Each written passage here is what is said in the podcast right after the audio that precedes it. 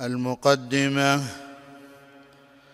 الحمد لله الذي أنزل على عبده الكتاب ولم يجعل له عوجا.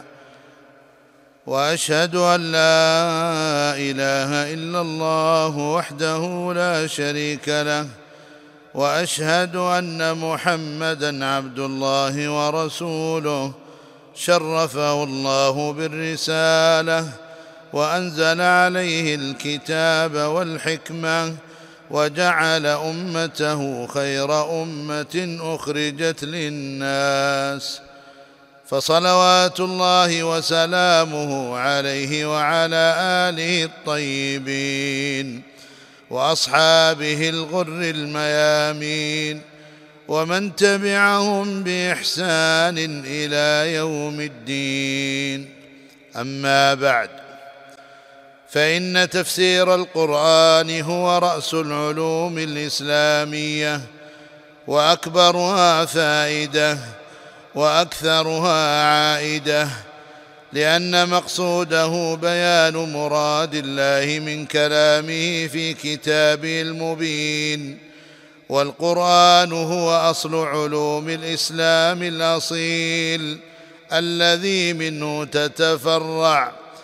وهو مصدرها وموردها المبارك الذي منه تنال وتونع ثمارها.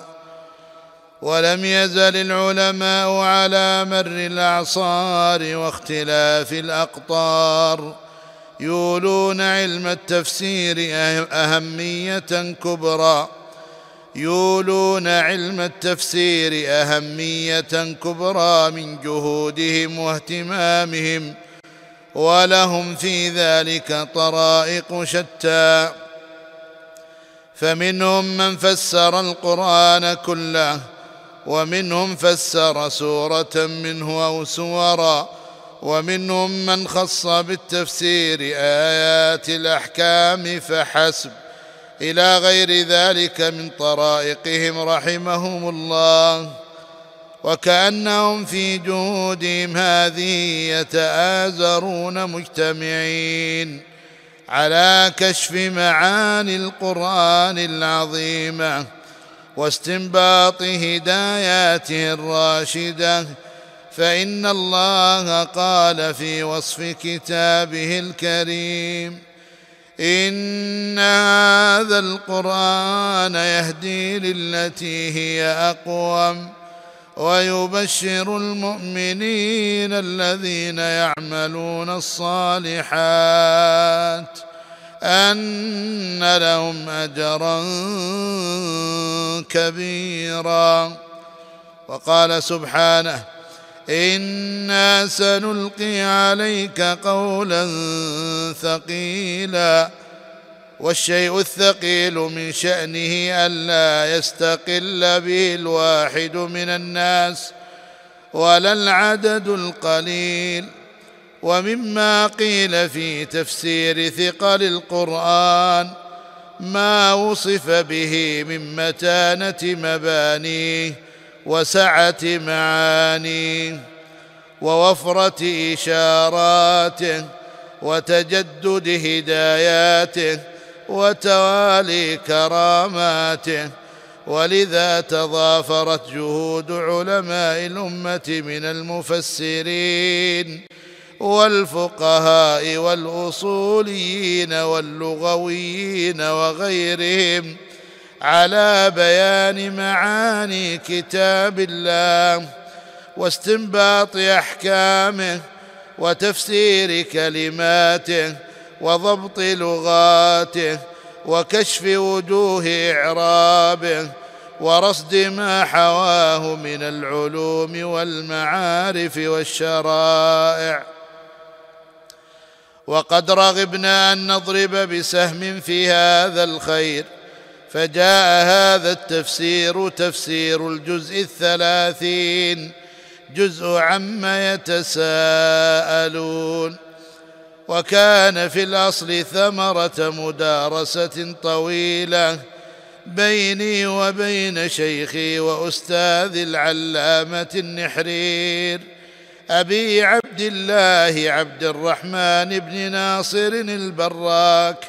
نفعنا الله بعلمه وبارك في حياته ثم انفردت أنا بتفسير الآيات.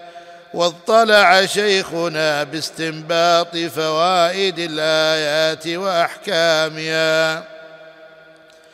وكان يطيل الوقوف مع الآي لينتزع ما فيها من الأحكام والعلوم والإشارات الدقيقة.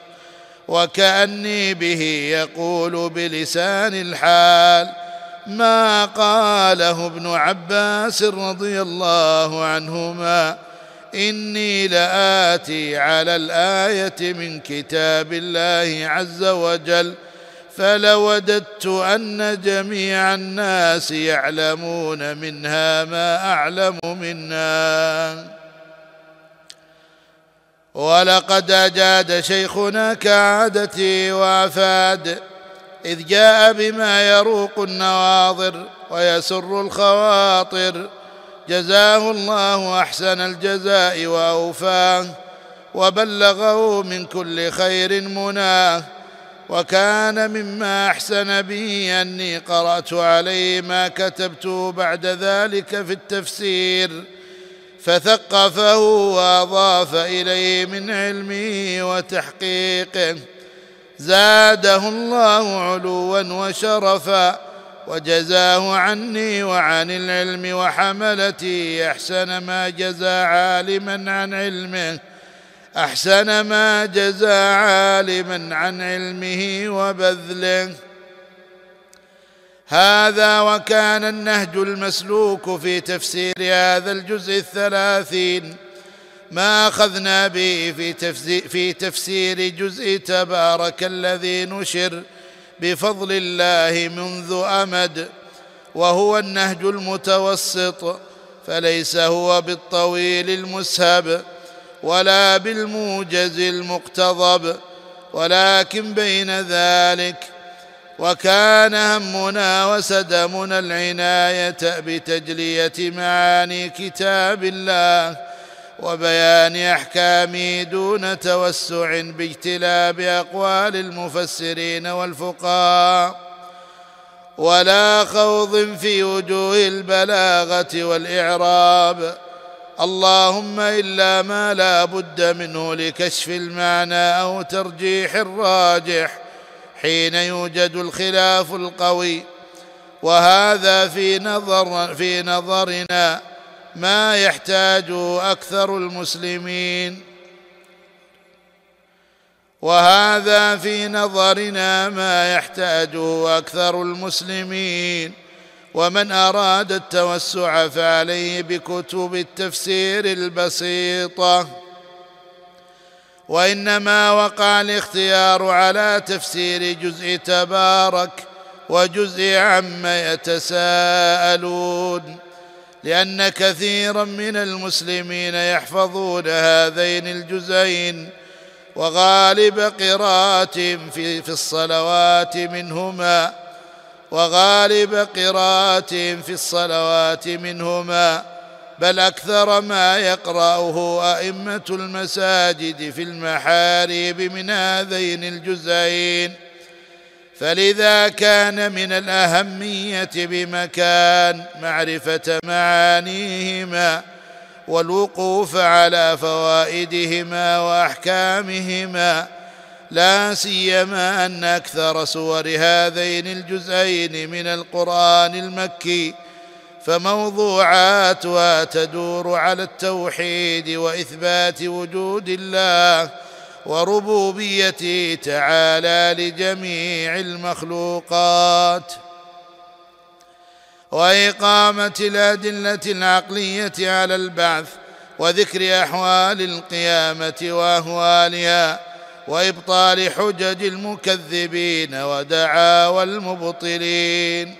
وبعد فإنه لا عز للأمة الإسلامية ولا اجتماع لكلمتها ولا استقامة لحالها إلا أن تعود بصدق إلى كتاب الله معتصمة به وأن تستقل عن التبعية للأمم الكافرة. روى مسلم في صحيحه عن جابر رضي الله عنه أن النبي صلى الله عليه وسلم قال تركت فيكم ما لن تضلوا بعده إن اعتصمتم به. كتاب الله. ولفظه عند الحاكم. تركت فيكم ما إن اعتصمتم به فلن تضلوا أبدا. كتاب الله وسنة نبيه صلى الله عليه وسلم. إن حقا على أمة الإسلام إذا أرادت العز والفلاح أن تهتدي, أن تهتدي بهدى الكتاب العزيز. أن تهتدي بهدى الكتاب العزيز وتستمسك بعهده وأن تحل حلاله وتحرم حرامه. وعد الله الذين آمنوا منكم وعملوا الصالحات ليستخلفنهم في الأرض كما استخلف الذين من قبلهم وليمكنن لهم دينهم الذي ارتضى لهم وليبدلنهم من بعد خوفهم أمنا يعبدونني لا يشركون بي شيئا. ومن كفر بعد ذلك فأولئك هم الفاسقون. ولا بد مع هذا كله للأمة أن تعز أن تعتز بالقرآن. ولا بد مع هذا كله للأمة أن تعتز بالقرآن وتقتبط أعظم الاقتباط بنعمة الإيمان به وتحكيمه والاهتداء بشرائعه فإنه نزل من الحكيم الحميد الرحمن الرحيم. الذي يعلم السر في السماوات والأرض. قال تعالى يا أيها الناس قد جاءتكم موعظة من ربكم وشفاء لما في الصدور وهدى ورحمة للمؤمنين. قل بفضل الله وبرحمته فبذلك فليفرحوا هو خير مما يجمعون. وقال سبحانه والذين آتيناهم الكتاب يفرحون بما أنزل إليك وعلى الأمة أن تظهر هذه العزة وتؤمن إيمانا لا شك فيه أن هذا الكتاب العظيم مشتمل على جميع أسباب السعادة. كما أن الإعراض عنه سبب الهلاك والخسار في الدنيا والآخرة. كما قال سبحانه فإما يأتينكم مني هدى فمن اتبع فمن تبع هداي فلا خوف عليهم ولا هم يحزنون. وقال سبحانه ومن يكفر به من الأحزاب فالنار موعده. وإن من الحفاوة بالقرآن الاعتناء بتفسيره وبيان معانيه للناس بعامة خاصتهم وعامتهم. ليعرفوا مراد ربهم وخالقهم. كما أنه من أعظم الأسباب لتوثيق صلتهم بكتاب الله. وإني في هذه التقدمة لادعو إخواني من أهل العلم ومن الدعاة أن يعنوا بتفسير القرآن وتقريب معانيه لعامة الناس ويكثف فيه الدروس في وسائل الإعلام وفي مجامع الناس وملتقياتهم وفي المساجد خاصة. وهذا ما كان يفعله العلماء السابقون جيلا بعد جيل وعصرا بعد عصر إلى الأشياخ الكبار الذين أدركناهم. إلى الأشياخ الكبار الذين أدركناهم وفي مقدمتهم العالمان الجليلان الشيخ عبد العزيز بن باز المتوفى سنة ألف وأربعمائة وعشرون للهجرة والشيخ محمد بن صالح العثيمين المتوفى سنة ألف وأربعمائة واثنان وعشرون للهجرة تغمدهم الله برحمته. فقد كان لهم دروس متصلة في التفسير وكانوا يوصون تلاميذهم ومحبين بالعناية بالقرآن وتفسيره. وقد قدر لي ان ازور الشيخ محمد العثيمين رحمه الله في منزله بالرياض في أخريات حياته وصادفت في المجلس شيخنا وصديقنا المحدث الشيخ عبد الله بن عبد الرحمن السعد. زاده الله في الخير نعما وبعد جلسة ماتعة بالفوائد قال الشيخ عبد الله للشيخ محمد أوصنا قال أوصيكم بتقوى الله. قال الشيخ عبد الله نعمة الوصية ثم ماذا؟ قال أوصيكم بإقامة الدروس في التفسير ثم استدرك لا أريد القراءة في أحد كتب التفسير والتعليق عليه كلا بل التفسير أن تمسك المصحف بيدك ثم تفسر الآية أنت. هذا هو التفسير. انتهى. قلت وهذه وصية ذابية تلقاها مشايخنا عن أشياخهم وهذا من كمال نصحهم للأمة. وقد نقل عن الشيخ محمد العثيمين أن شيخه العلامة المفسر عبد الرحمن السعدي المتوفى سنة ألف وثلاثمائة وستة وسبعون للهجرة. كان يقول ينبغي أن يجعل للعامة مجالس في تفسير القرآن.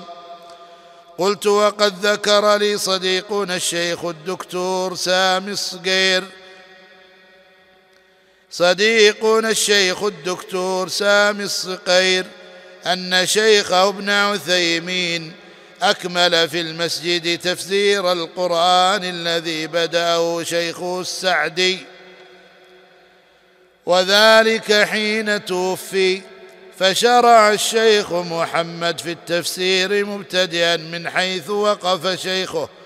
وذلك في سورة آل عمران. رحمة الله على الجميع. اللهم إنا نثني عليك الخير كله وأنت للثناء أهل ونحمدك إلهنا حمدا نستديم به نعمك ونستجلب به توفيقك ونستدعي به مزيدك يا أرحم الراحمين. اللهم انفعنا وارفعنا بالقرآن العظيم واجعله لنا إماما وحجة وافتح علينا فهما فيه واجعله ضياء لبصائرنا وشفاء لأسقامنا يا ذا الجلال والإكرام. واعد علينا من بركاته سبحانك لا علم لنا إلا ما علمتنا إنك أنت العليم الحكيم. وكتب عبد المحسن بن عبد العزيز العسكر الأستاذ في جامعة الإمام محمد بن سعود الإسلامية قرة محرما الحرام. ألف وأربعمائة وسبعة وثلاثون للهجرة في مدينة الرياض حرسها الله تعالى. تفسير سورة النبأ. هذه السورة مكية وسميت بالنبأ لذكر النبأ العظيم في الآية الثانية وهو البعث. ولهذا والله أعلم تضمنت السورة بعض أدلة البعث وذلك في خلق الأرض والجبال والسماوات السبع. وذك وذكر الليل والنهار وذكر الليل والنهار والنوم والمعاش وإخراج النبات والجنات بالماء النازل من المعصرات والتصريح بالنفخ في الصور وبه البعث من القبور. ثم ذكر بعض أحداث يوم القيامة من فتح من فتح السماء أبوابا وتسيير الجبال ومصير الطاغين والمتقين.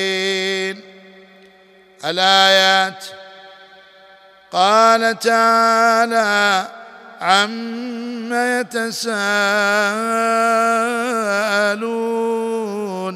عن النبأ العظيم الذي هم فيه مختلفون. كلا سيعلمون ثم كلا سيعلمون.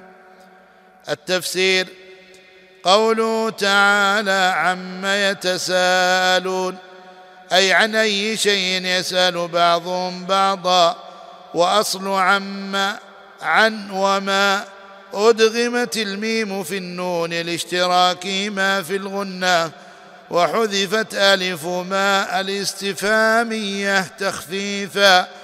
وللفرق بينها وبين الموصوله والضمير في يتسالون للكفار. وقوله عن النبأ العظيم جواب الاستفهام النبأ الخبر الذي له شأن والمراد به هنا قيل القرآن. ويؤيد قوله تعالى قل هو نبأ عظيم وقيل البعث ويؤيد سياق السورة كلها فإنه تضمن أدلة قدرة الله على البعث وأحداث القيامة. ولا منافاة بين القولين فإن النبأ يطلق على الخبر الذي هو الكلام وعلى المخبر به الذي هو تأويل الخبر. فإن القرآن منبئ عن البعث والبعث مخبر عنه. فإنه نبأ اي نبا وإخراج الكلام بطريق الاستفهام. إشعار بفخامة أمر المستفهم عنه وتشويق إلى معرفة شأنه وتوبيخ للمتسائلين الجاحدين. الذي هم فيه مختلفون اختلافا كبيرا فمنهم من يقطع باستحالة, باستحالة البعث ومنهم من يشك فيه. كما أنهم مختلفون في القرآن. فمنهم من قال إنه سحر ومنهم من قال كيانة وشعر وجميعهم ينكرون الرسالة وأقوالهم كلها باطلة كما قال تعالى ذلك بأن الله نزل الكتاب بالحق. وان الذين اختلفوا في الكتاب لفي شقاق بعيد ولذا ولذا وعدهم الله عز وجل فقال كلا سيعلمون كلا ردع لهم وزجر على تكذيبهم سيعلمون صدق الرسول وعاقبة تكذيبهم علم اليقين وعين اليقين إذا ماتوا أو نزل بهم العذاب أو يوم البعث كما قال تعالى ليبين لهم الذي يختلفون فيه وليعلم الذين كفروا أنهم كانوا كاذبين وأفادت السين في سيعلمون قرب حلول الوعيد ثم كلا سيعلمون تأكيد للوعيد وهو أشد من الوعيد السابق لمجيء ثم. الفوائد والأحكام اولا التعليم بطريق السؤال والجواب ثانيا أن القرآن نبأ عظيم والبعث نبأ عظيم.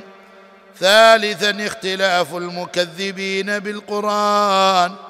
رابعا سؤال بعضهم بعضا ليعلم كل بما عند الآخر. خامسا الرد على المكذبين وإبطال أقوالهم. سادسا تهديد المكذبين بالعذاب.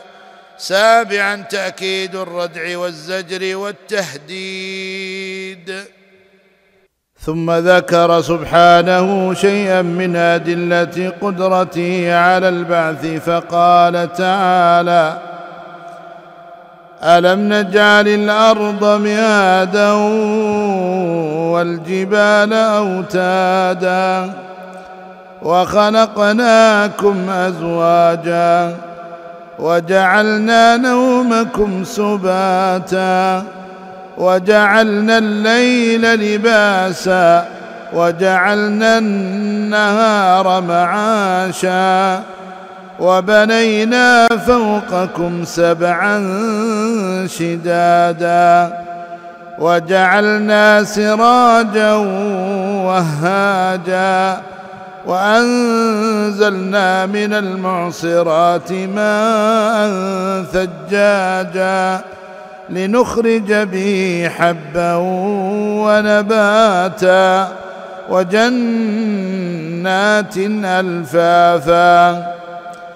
قوله تعالى ألم نجعل الأرض مهادا أي ممهدة كالفراش فهي صالحة للسكن فيها والسير عليها والاستفهام للتقرير والامتنان وما بعده معطوف عليه والجبال أوتادا أي جعلناها للأرض كالأوتاد لتثبت وتستقر فلا تضطرب كما قال تعالى وألقى في الأرض رواسي أن تميد بكم شبه الجبال بالأوتاد التي تثبت بها الخيمة وخلقناكم أزواجا أي أصنافا ذكورا وإناثا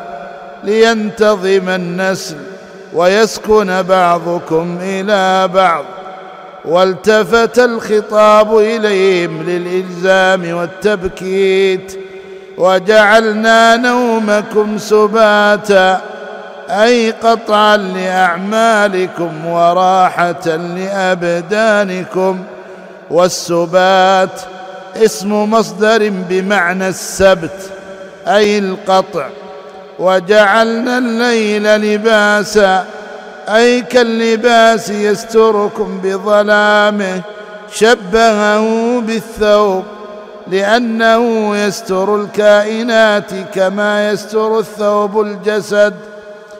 وجعلنا وجعلنا النهار معاشا أي وقتا لطلب المعاش. والجعل في الآيات المتقدمة بمعنى التصيير. وبنينا فوقكم سبعا شدادا جمع شديده أي سبع سماوات قوية الخلق محكمة البناء بديعة الصنع لا يؤثر فيها مر الأزمان ولا فروج فيها ولا فطور. كما قال تعالى وجعلنا السماء سقفا محفوظا والتعبير بالبناء لأنه أريد تشبيهها بالقباب المضروبة على من تحتها.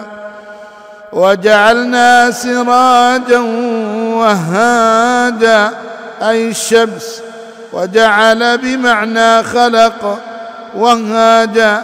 أن يتوهج ضوءها متقدة منيرة لجميع أهل الأرض. أن يتوهج ضوءها متقدة منيرة لجميع أهل الأرض. وأنزلنا من المعصرات أي السحائب المثقلة بالماء جمع معصرة. اسم فاعل من أعصرة السحابة. إذا آن لها أن تعصر أي تنزل الماء.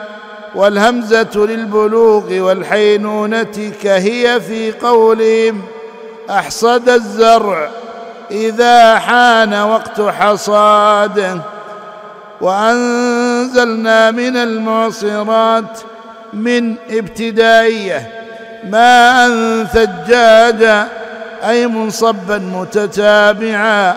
يقال ثج الماء من باب عد إذا انصب بكثرة. وثجه كذلك فهو متعد ولازم. لنخرج به حبا كالحنطة والشعير مما يقتاته الناس. ونباتا علفا للبهائم كالحشائش والتبن وتقديم الحب مع تأخره وتقديم الحب مع تأخره في الإخراج لشرفه لأنه غذاء الإنسان. وجنات ألفافا أي بساتين ملتفة الأشجار لحسنها جمع لف بمعنى ملفوف كجذع واجذاع أو جمع لفيف كشريف وأشراف وقيل إنه اسم جمع لا مفرد له كالأوزاع للجماعات المتفرقة والمعنى أن من خلق هذه الأشياء كلها بعد العدم لمنافعكم قادر على أن يبعثكم مرة أخرى بعد الموت وهو أهون عليه فلا وجه لاستبعاد الفوائد والأحكام من هذه الآيات اولا الامتنان من الله على عباده بجعل الأرض مهادا أي صالحة للعيش عليها. ثانيا أن تمهيد الأرض نعمة كبرى لبني آدم. ثالثا إثبات الجعل بمعنى التصير فعلا لله تعالى. لقوله ألم نجعل الأرض مهادا رابعا الحكمة من خلق الجبال. وهي أن تكون أوتادا تثبت, تثبت الأرض فلا تميد. خامسا الامتنان بخلق الناس ازواجا ذكورا واناثا ليتم نماء البشرية ويحصل السكن والمودة والرحمة بين الزوجين. سادسا الامتنان بجعل النوم قاطعا للتعب وراحة للناس. فيستجمون فيستجمون به من عنائهم في شؤون الحياة. سابعا الامتنان من الله بجعل الليل لباسا للناس. يغطيهم بظلامه فيسكن فيه بالنوم والإيواء إلى المسكن والإخلاد إلى الدعة والراحة. ثامنا الامتنان من الله على عباده بجعل النهار وقتا لطلب معايشهم بالتجارة والصناعة والزراعة وغير ذلك. تاسعا الامتنان ببناء السماوات فوق العباد كما قال تعالى الذي جعل لكم الأرض فراشا والسماء بناء. الذي جعل لكم الأرض فراشا والسماء بناء. ولما فيها من الدلالات على قدرته وحكمته تعالى في ارتفاعها بلا عمد وسعتها وما فيها من الكواكب والشمس والقمر وذلك من نعمه عز وجل. عاشرا أن السماوات شديدة شديدة في ذاتها أي صلبة ليست رخوة كما تصير يوم القيامة وانشقت السماء فهي يومئذ واهية. الحادي عشر الامتنان بجعل الشمس مضيئة متوهجة لشدة ضوئها يضيء نصف الكرة الأرضية مع بعد ما بينهما. وذلك هو وقت النار.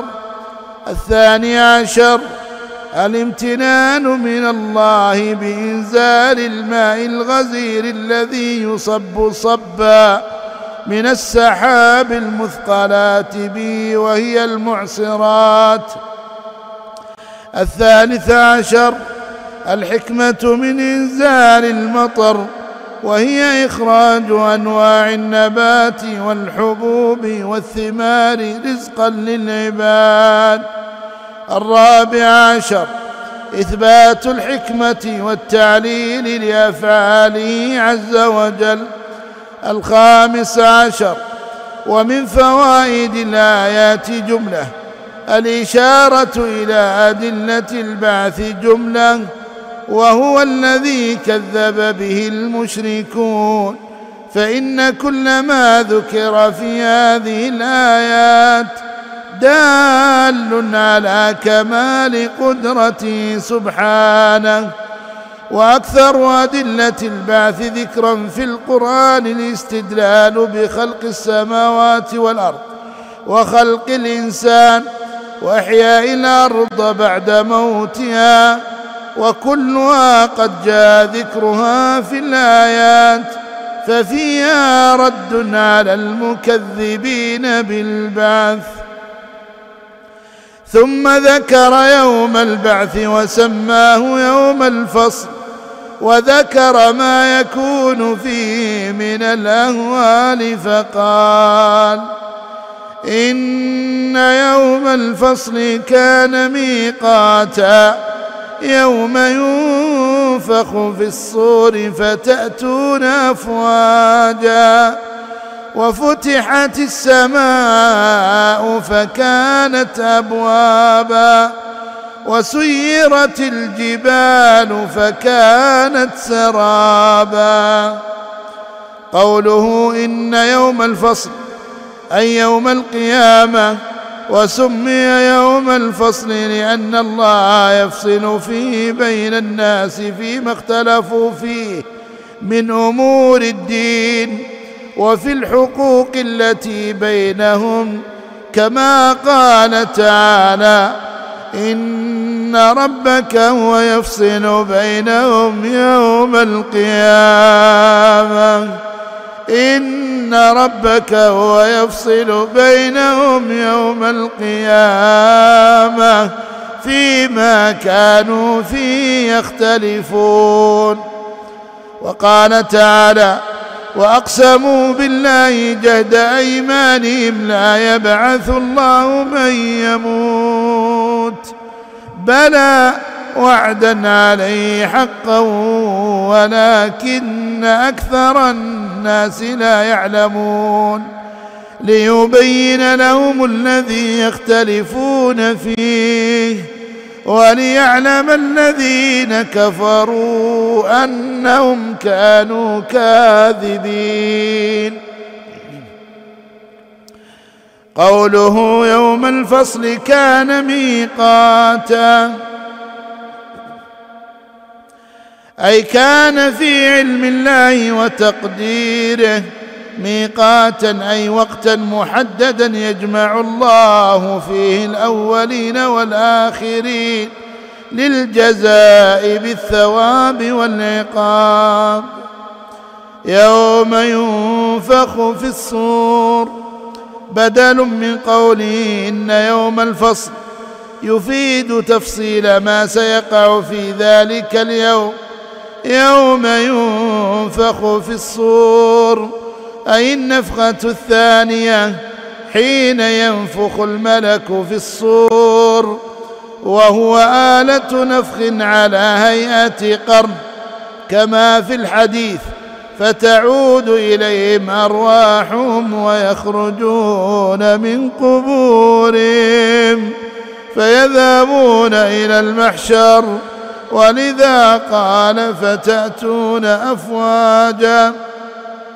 أي جماعة جماعة جمع فوج وهو حال من الواو في قوله فتأتون وقوله وفتحت السماء فكانت أبوابا أي شققت لنزول الملائكة بعد ان كانت شديدة وسقفا ملتئما فصارت أبوابا بتشققها كما قال عز وجل يوم تشقق السماء بالغمام ونزل الملائكة تنزيلا. ويوم تشقق السماء بالغمام ونزل الملائكة تنزيلا. وعبر بالماضي في قوله وفتحت لتحقق الوقوع.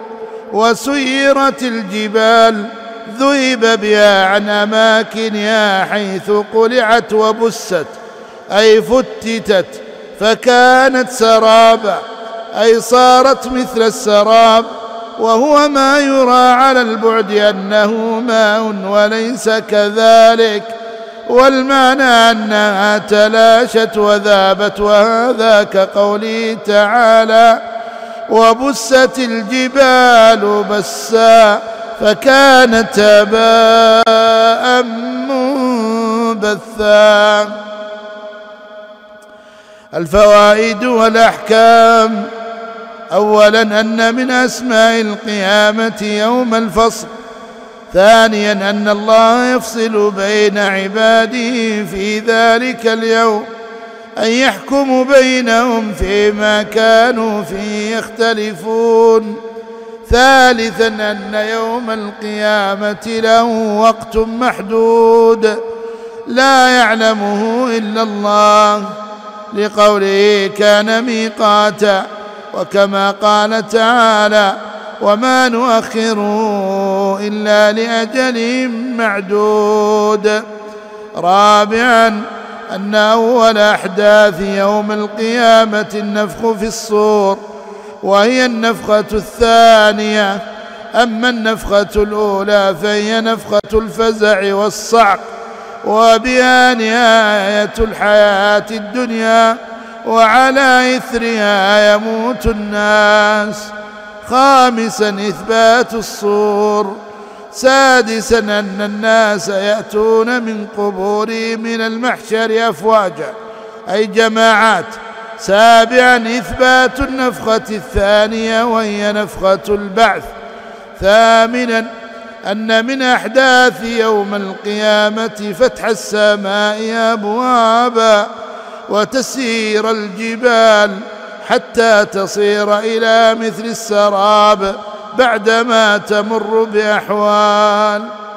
تاسعا الرد على الفلاسفة في قولهم إن الفلك لا يقبل الانخراق. عاشرا الدلالة على كمال قدرته تعالى على التصرف في هذا الوجود. ثم أخبر سبحانه عن حال جهنم وحال اهلها فيها فقال عز وجل إن جهنم كانت مرصادا. للطاغين مآبا لابثين فيها أحقابا. لا يذوقون فيها بردا ولا شرابا إلا حميما وغساقا جزاء وفاقا. إنهم كانوا لا يرجون حسابا وكذبوا بآياتنا كذابا. وكل شيء أحصيناه كتابا فذوقوا فلن نزيدكم إلا عذابا.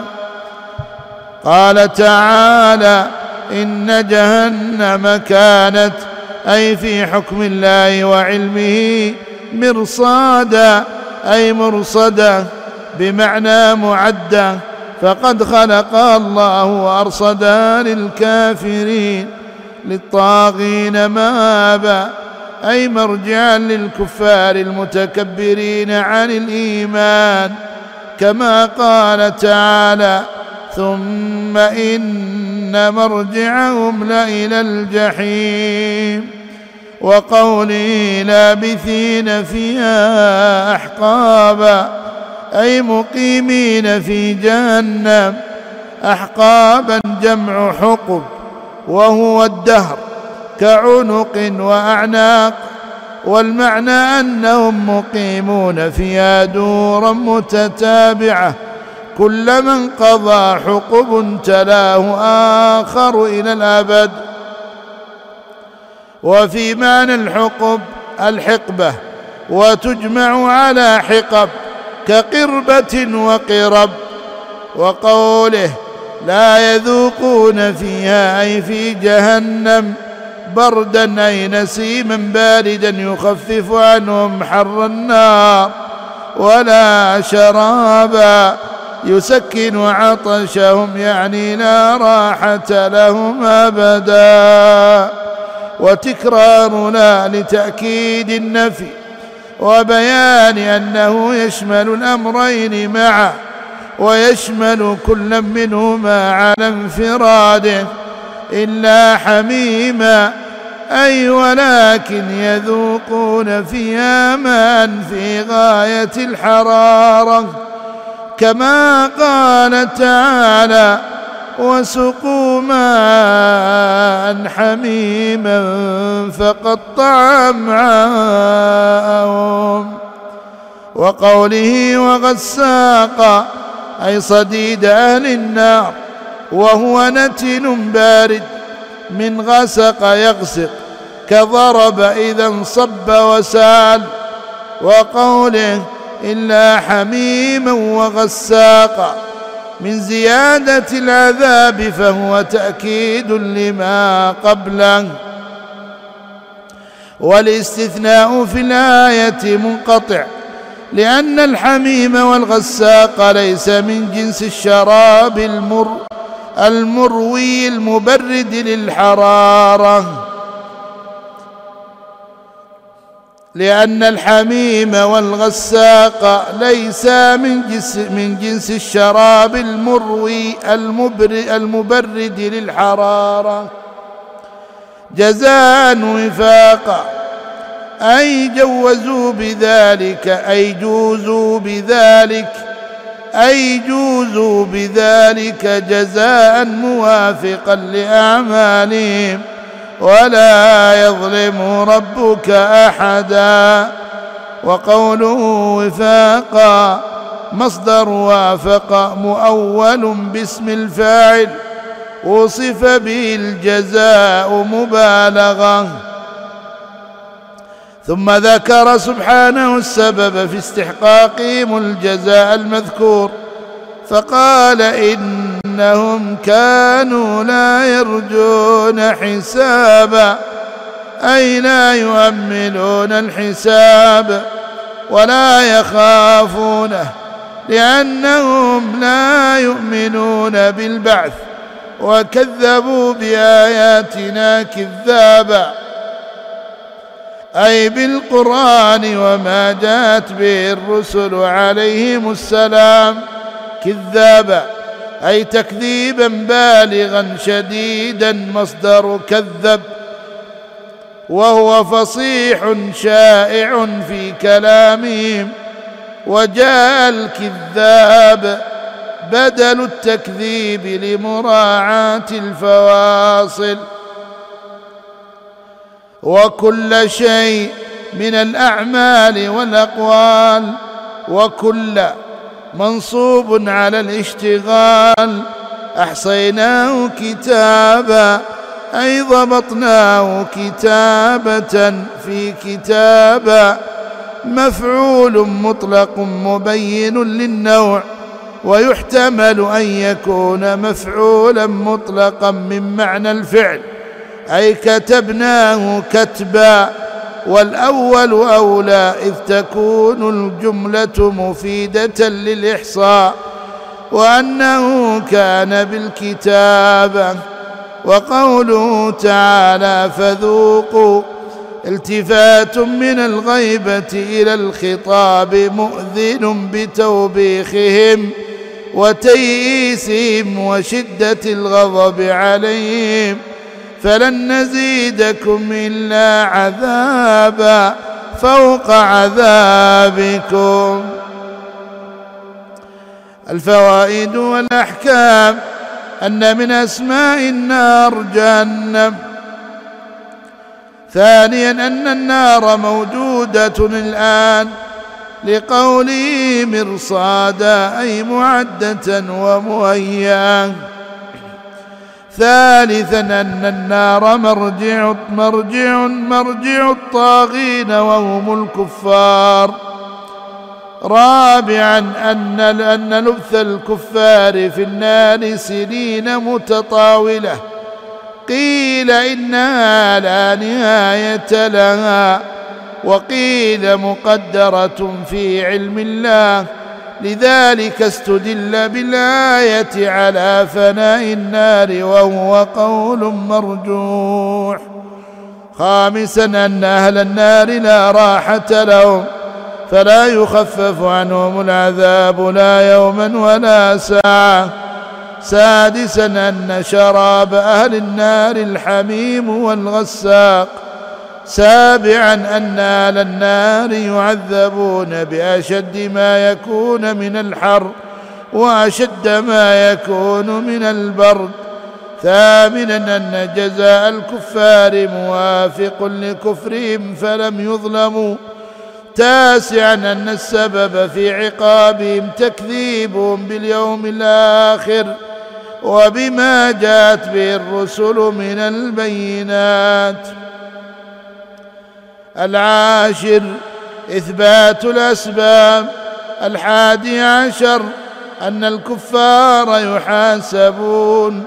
الثاني عشر إثبات الحساب والجزاء على الأعمال. الثالث عشر إحصاء الله لأعمال العباد. الرابع عشر أن أعمال العباد تحصى في كتاب. الخامس عشر إثبات علم الله بالجزئيات ففيها. السادس عشر الرد على الفلاسفة القائلين بأن الله لا يعلم الجزئيات. السابع عشر توبيخ الكفار وهم في العذاب وتيئيسهم من تخفيف العذاب. الثامن عشر أنه يجتمع لاهل النار أنواع العذاب الحسي والجسدي ولما ذكر سبحانه وتعالى ما أعده الله للطاغين من العذاب أتبعه بما أعده للمتقين من النعيم. فقال عز وجل ان للمتقين مفازا حدائق واعنابا وكواعب اترابا وكسا دياقا لا يسمعون فيها لغوا ولا كذابا جزاء من ربك عطاء حسابا. قوله سبحانه إن للمتقين مفازا. أي فوزا وهو النجاة من المرهوب وهو النار. والفوز بالمطلوب وهو الجنة. والمفاز على ذلك مصدر ميمي. ويحتمل أنه اسم مكان فيفسر المفاز بالجنة والمعنيان متلازمان. وإن كان الثاني اظهر أي كونه اسم مكان أي كونه اسم مكان ويؤيده قوله سبحانه إن للمتقين عند ربهم جنات النعيم. ثم فسر هذا المفاز بقوله حدائق أي بساتين وانابا هذا من عطف الخاص الخاص على العام لأن العنب من أفضل الفواكه. كما خصت بالذكر في قوله تعالى أو تكون لك جنة من نخيل وعنب فتفجر الأنهار خلالها تفجيرا.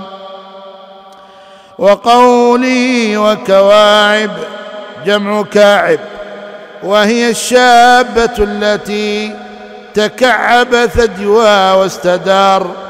أي برز كالكعب وهذا أجمل ما يكون ما يكون في الصدر.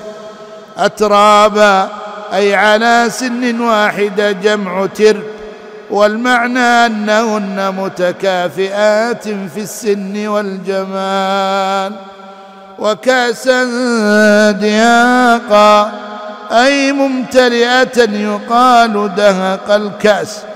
كجعل وادهقها إذا ملأها والمراد بالكأس هنا الخمر من إطلاق المحل على الحال والدهاق وصف للإناء الذي فيه الخمر لما بينهما من التلازم فيكون الكأس مستعملا في معنييه الحقيقي والمجازي. وجاء عن غير واحد من السلف كالضحاك وقتاده أن كل كاس في القرآن هي الخمر. وقد وصفت الكاس التي في الجنة بعدة صفات في كتاب الله العظيم.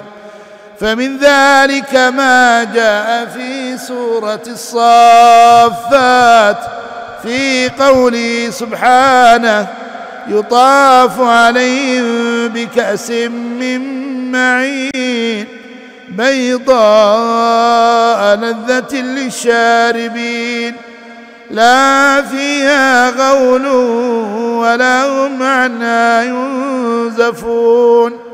وفي سورة الطور في قوله سبحانه يتنازعون فيها كأسا لا لغو فيها ولا تأثيم.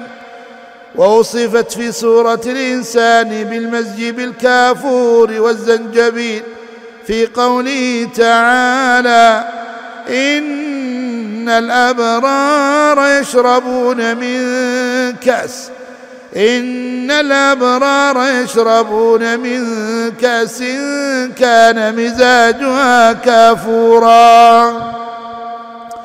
وفي قول ويسقون فيها كأسا كان مزاجها زنجبيلا. وفي هذه السورة النبأ وصفت بأنها دياق كما تقدم قوله سبحانه لا يسمعون فيها أي في الجنة لغوا أي كلاما باطلا ولا كذابا لا يكذب بعضهم بعضا فهم إخوان على سرر متقابلين قد نزع الله ما في صدورهم من الغل وليس في الجنة ما يلغى به ولا ما هو مكذوب. فنفي السمع مراد به نفي المسموع أصلا. وقوله لا يسمعون فيها لغوا ولا كذابا. أدل على انتفاء اللغو والباطل وأبلغ مما لو قيل. لا يلغون ولا يكذبون وأعيدت لا في قوله ولا كذابا للتنبيه على النفي على أن النفي يشمل الأمرين معا وكل واحد على حدة ولما عدد أقسام نعيم أهل الجنة قال جزاء من ربك جزاء منصوب على المصدر أي جزاهم جزاء. وهذا كالتأكيد لقوله إن للمتقين مفازا. وهذا كالتأكيد لقوله إن للمتقين مفازا. ومن ابتدائية أي هذا الجزاء من عند الله تعالى. ربك ضمير الخطاب يحتمل أنه للنبي صلى الله عليه وسلم والربوبية خاصة وفي ذلك تشريف له عليه الصلاة والسلام. ويحتمل أنه لكل من يصلح للخطاب. فتكون الربوبية عامة. عطاء أي تفضلا وإحسانا من الله. وهذا بدل من جزاء وقولي حسابا صفة للعطاء. أي كافيا وافيا فهو مصدر أقيم مقام الوصف. من قول ما احسبه الشيء إذا كفاه حتى قال حسبي أي كافيني. الفوائد والأحكام. أن ممن أولا أن من منهج القرآن الجمع بين الوعد والوعيد وتقديم الوعيد في أغلب الأحيان. ثانيا بشارة المتقين بما أعد الله لهم. ثالثا أن التقوى سبب الفوز والسعادة. رابعا تنزيه المتقين عن الطغيان حيث ذكروا في مقابل في مقابل الطاغين. خامسا أن الجنة مكان الفوز بكل مطلوب ومحبوب.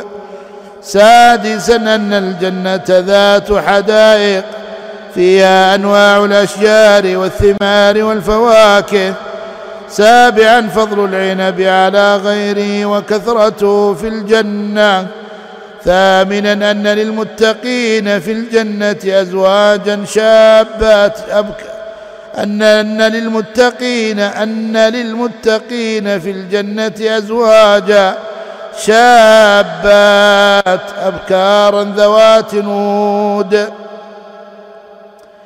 تاسعا أن نساء الجنة على سن واحدة لقوله تعالى لقوله أترابا عاشرا أن من شراب المتقين في الجنة الخمر تدار عليهم بالكؤوس ملا الحادي عشر تنزيه خمر الجنة عن عيوب خمر الدنيا الثاني عشر أن كلام أهل الجنة لا لغو فيه ولا كذب بل كله من طيب القول. الثالث عشر أن كل ما يعطي الله أولياءه المتقين من الكرامة جزاء بسبب أعمالهم.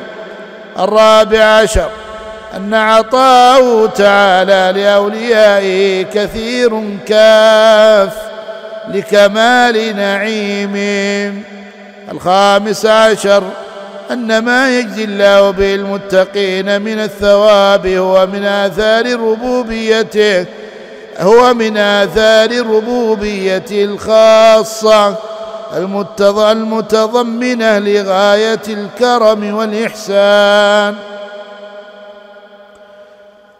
ولما ذكر سبحانه سعة فضله وما أعده لعباده المتقين في الجنة ذكر من صفاته ما هو مقتض لهذا العطاء وهو ربوبيته ورحمته فقال تعالى رب السماوات والأرض وما بينهما الرحمن لا يملكون منه خطابا.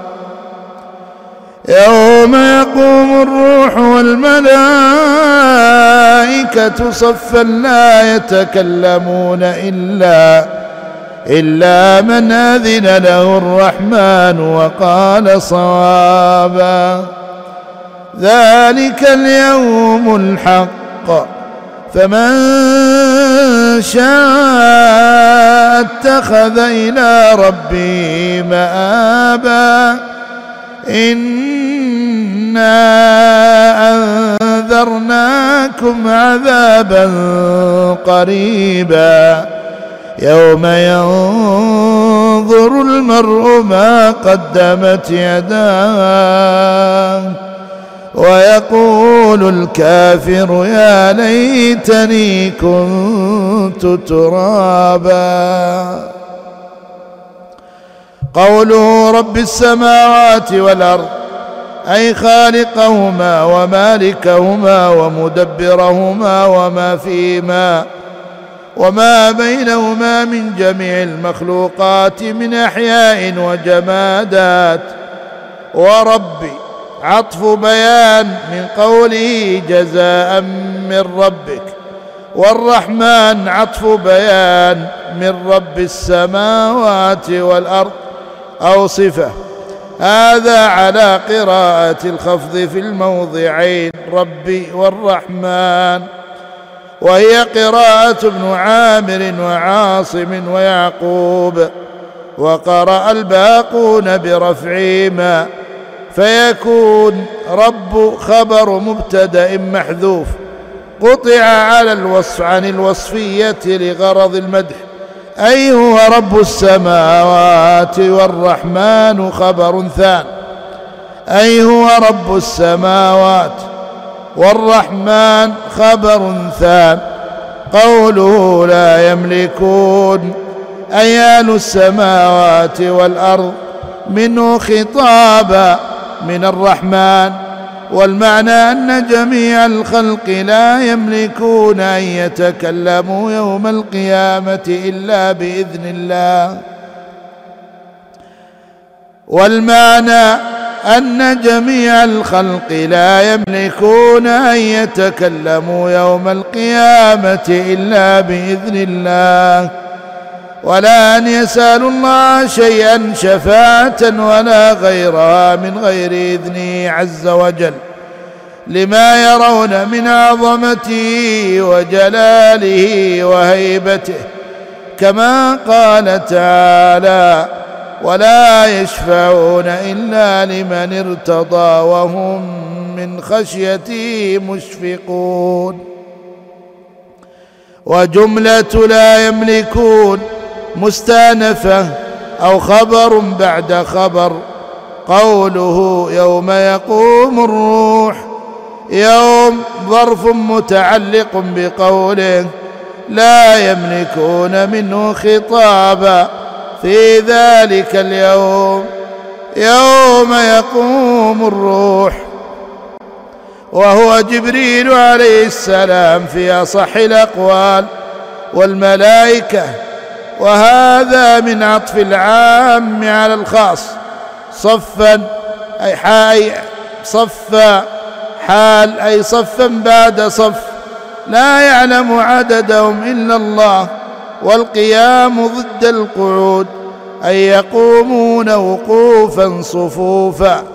وفي إشارة إلى عظمة الموقف قال تعالى وجاء ربك والملك صفا صفا قوله لا يملكون أي أهل السماوات والأرض وهذه الجملة بدل أو مؤكدة أو مؤكدة لقوله لا يملكون منه خطابا وقوله إلا من أذن له الرحمن أن يتكلم وقال صوابا. أي قال الذي أذن له الرحمن أن يتكلم صوابا من القول.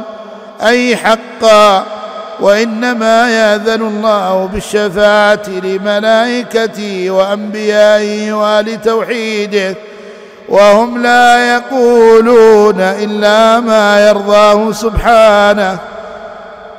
ومن أحسن من عبر عن هذه الآية الإمام ابن جرير قال رحمه الله والصواب من والصواب من القول في ذلك أن يقال إن الله تعالى ذكره اخبر عن خلقه أنهم لا يتكلمون يوم يقوم الروح والملائكة صفا إلا من أذن له منه إلا من أذن له منهم إلا من أذن له منهم في الكلام الرحمن.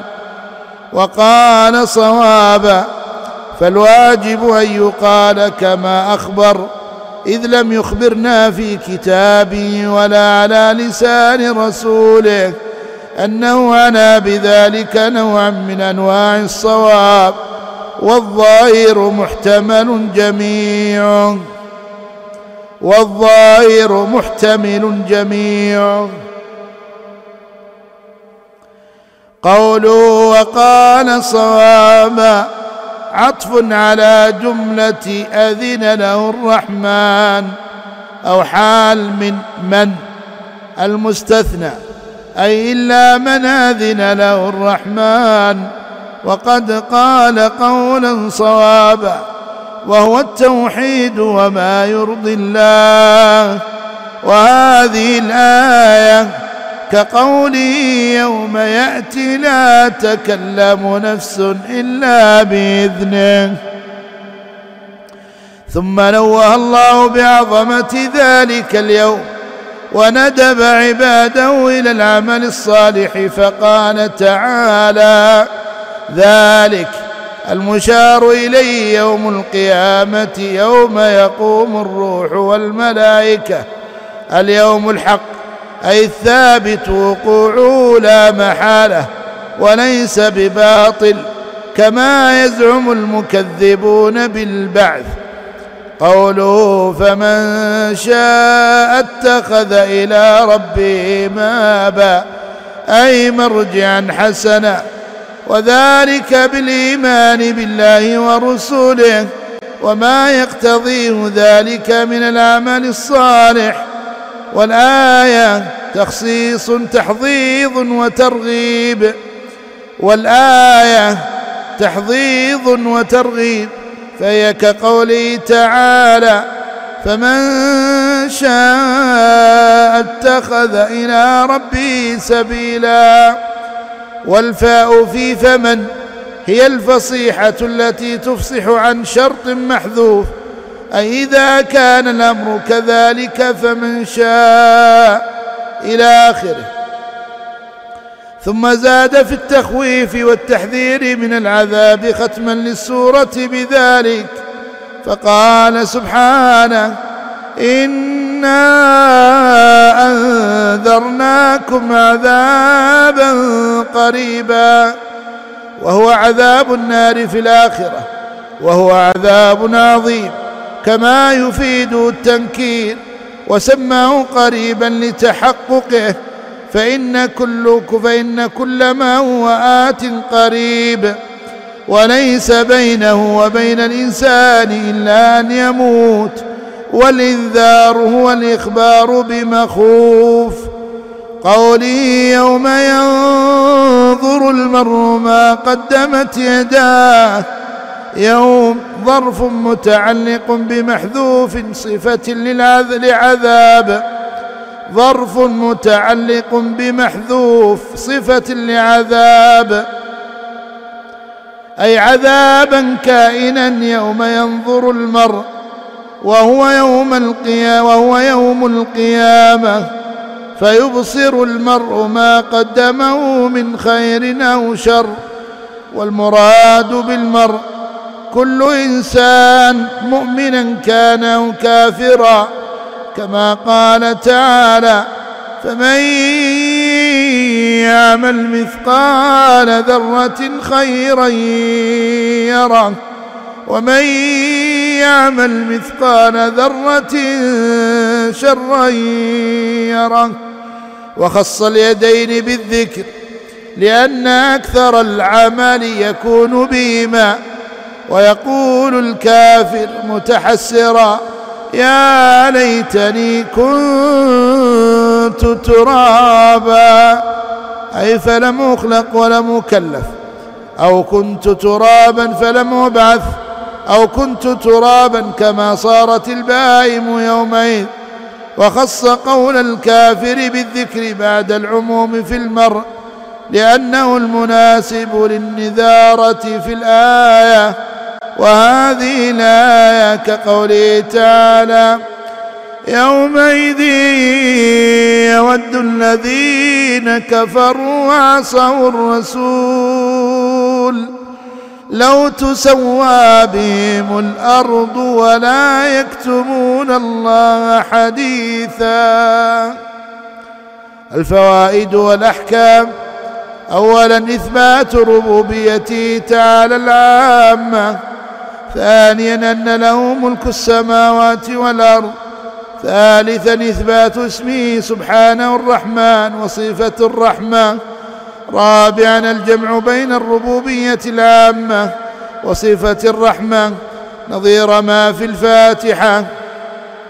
خامسا أن العباد يوم القيامة لا يملكون أن يتكلم أحد ولا الملائكة.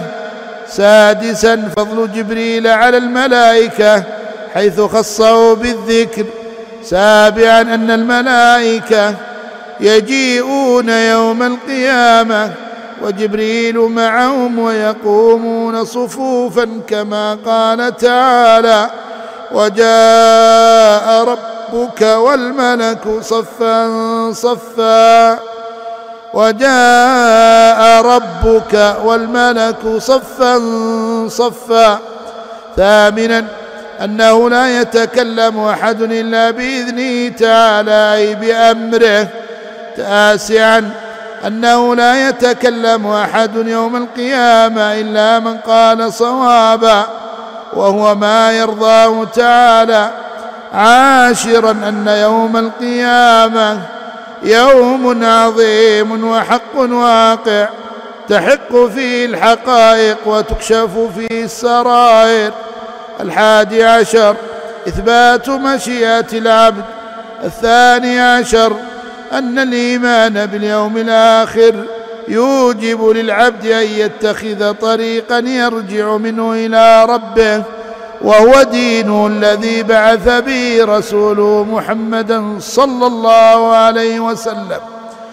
والمآب المرجع وهذه الآية كقوله تعالى فمن شاء اتخذ إلى ربه سبيلا الثالث عشر ذكره تعالى نفسه بصيغة الجمع الداله على عظمته عز وجل الرابع عشر إعذار الله إلى عبادي بإرسال الرسل مبشرين ومنذرين والإنذار التخويف والتحذير الخامس عشر أن يوم القيامة الذي يكون فيه عذاب الكافرين قريب.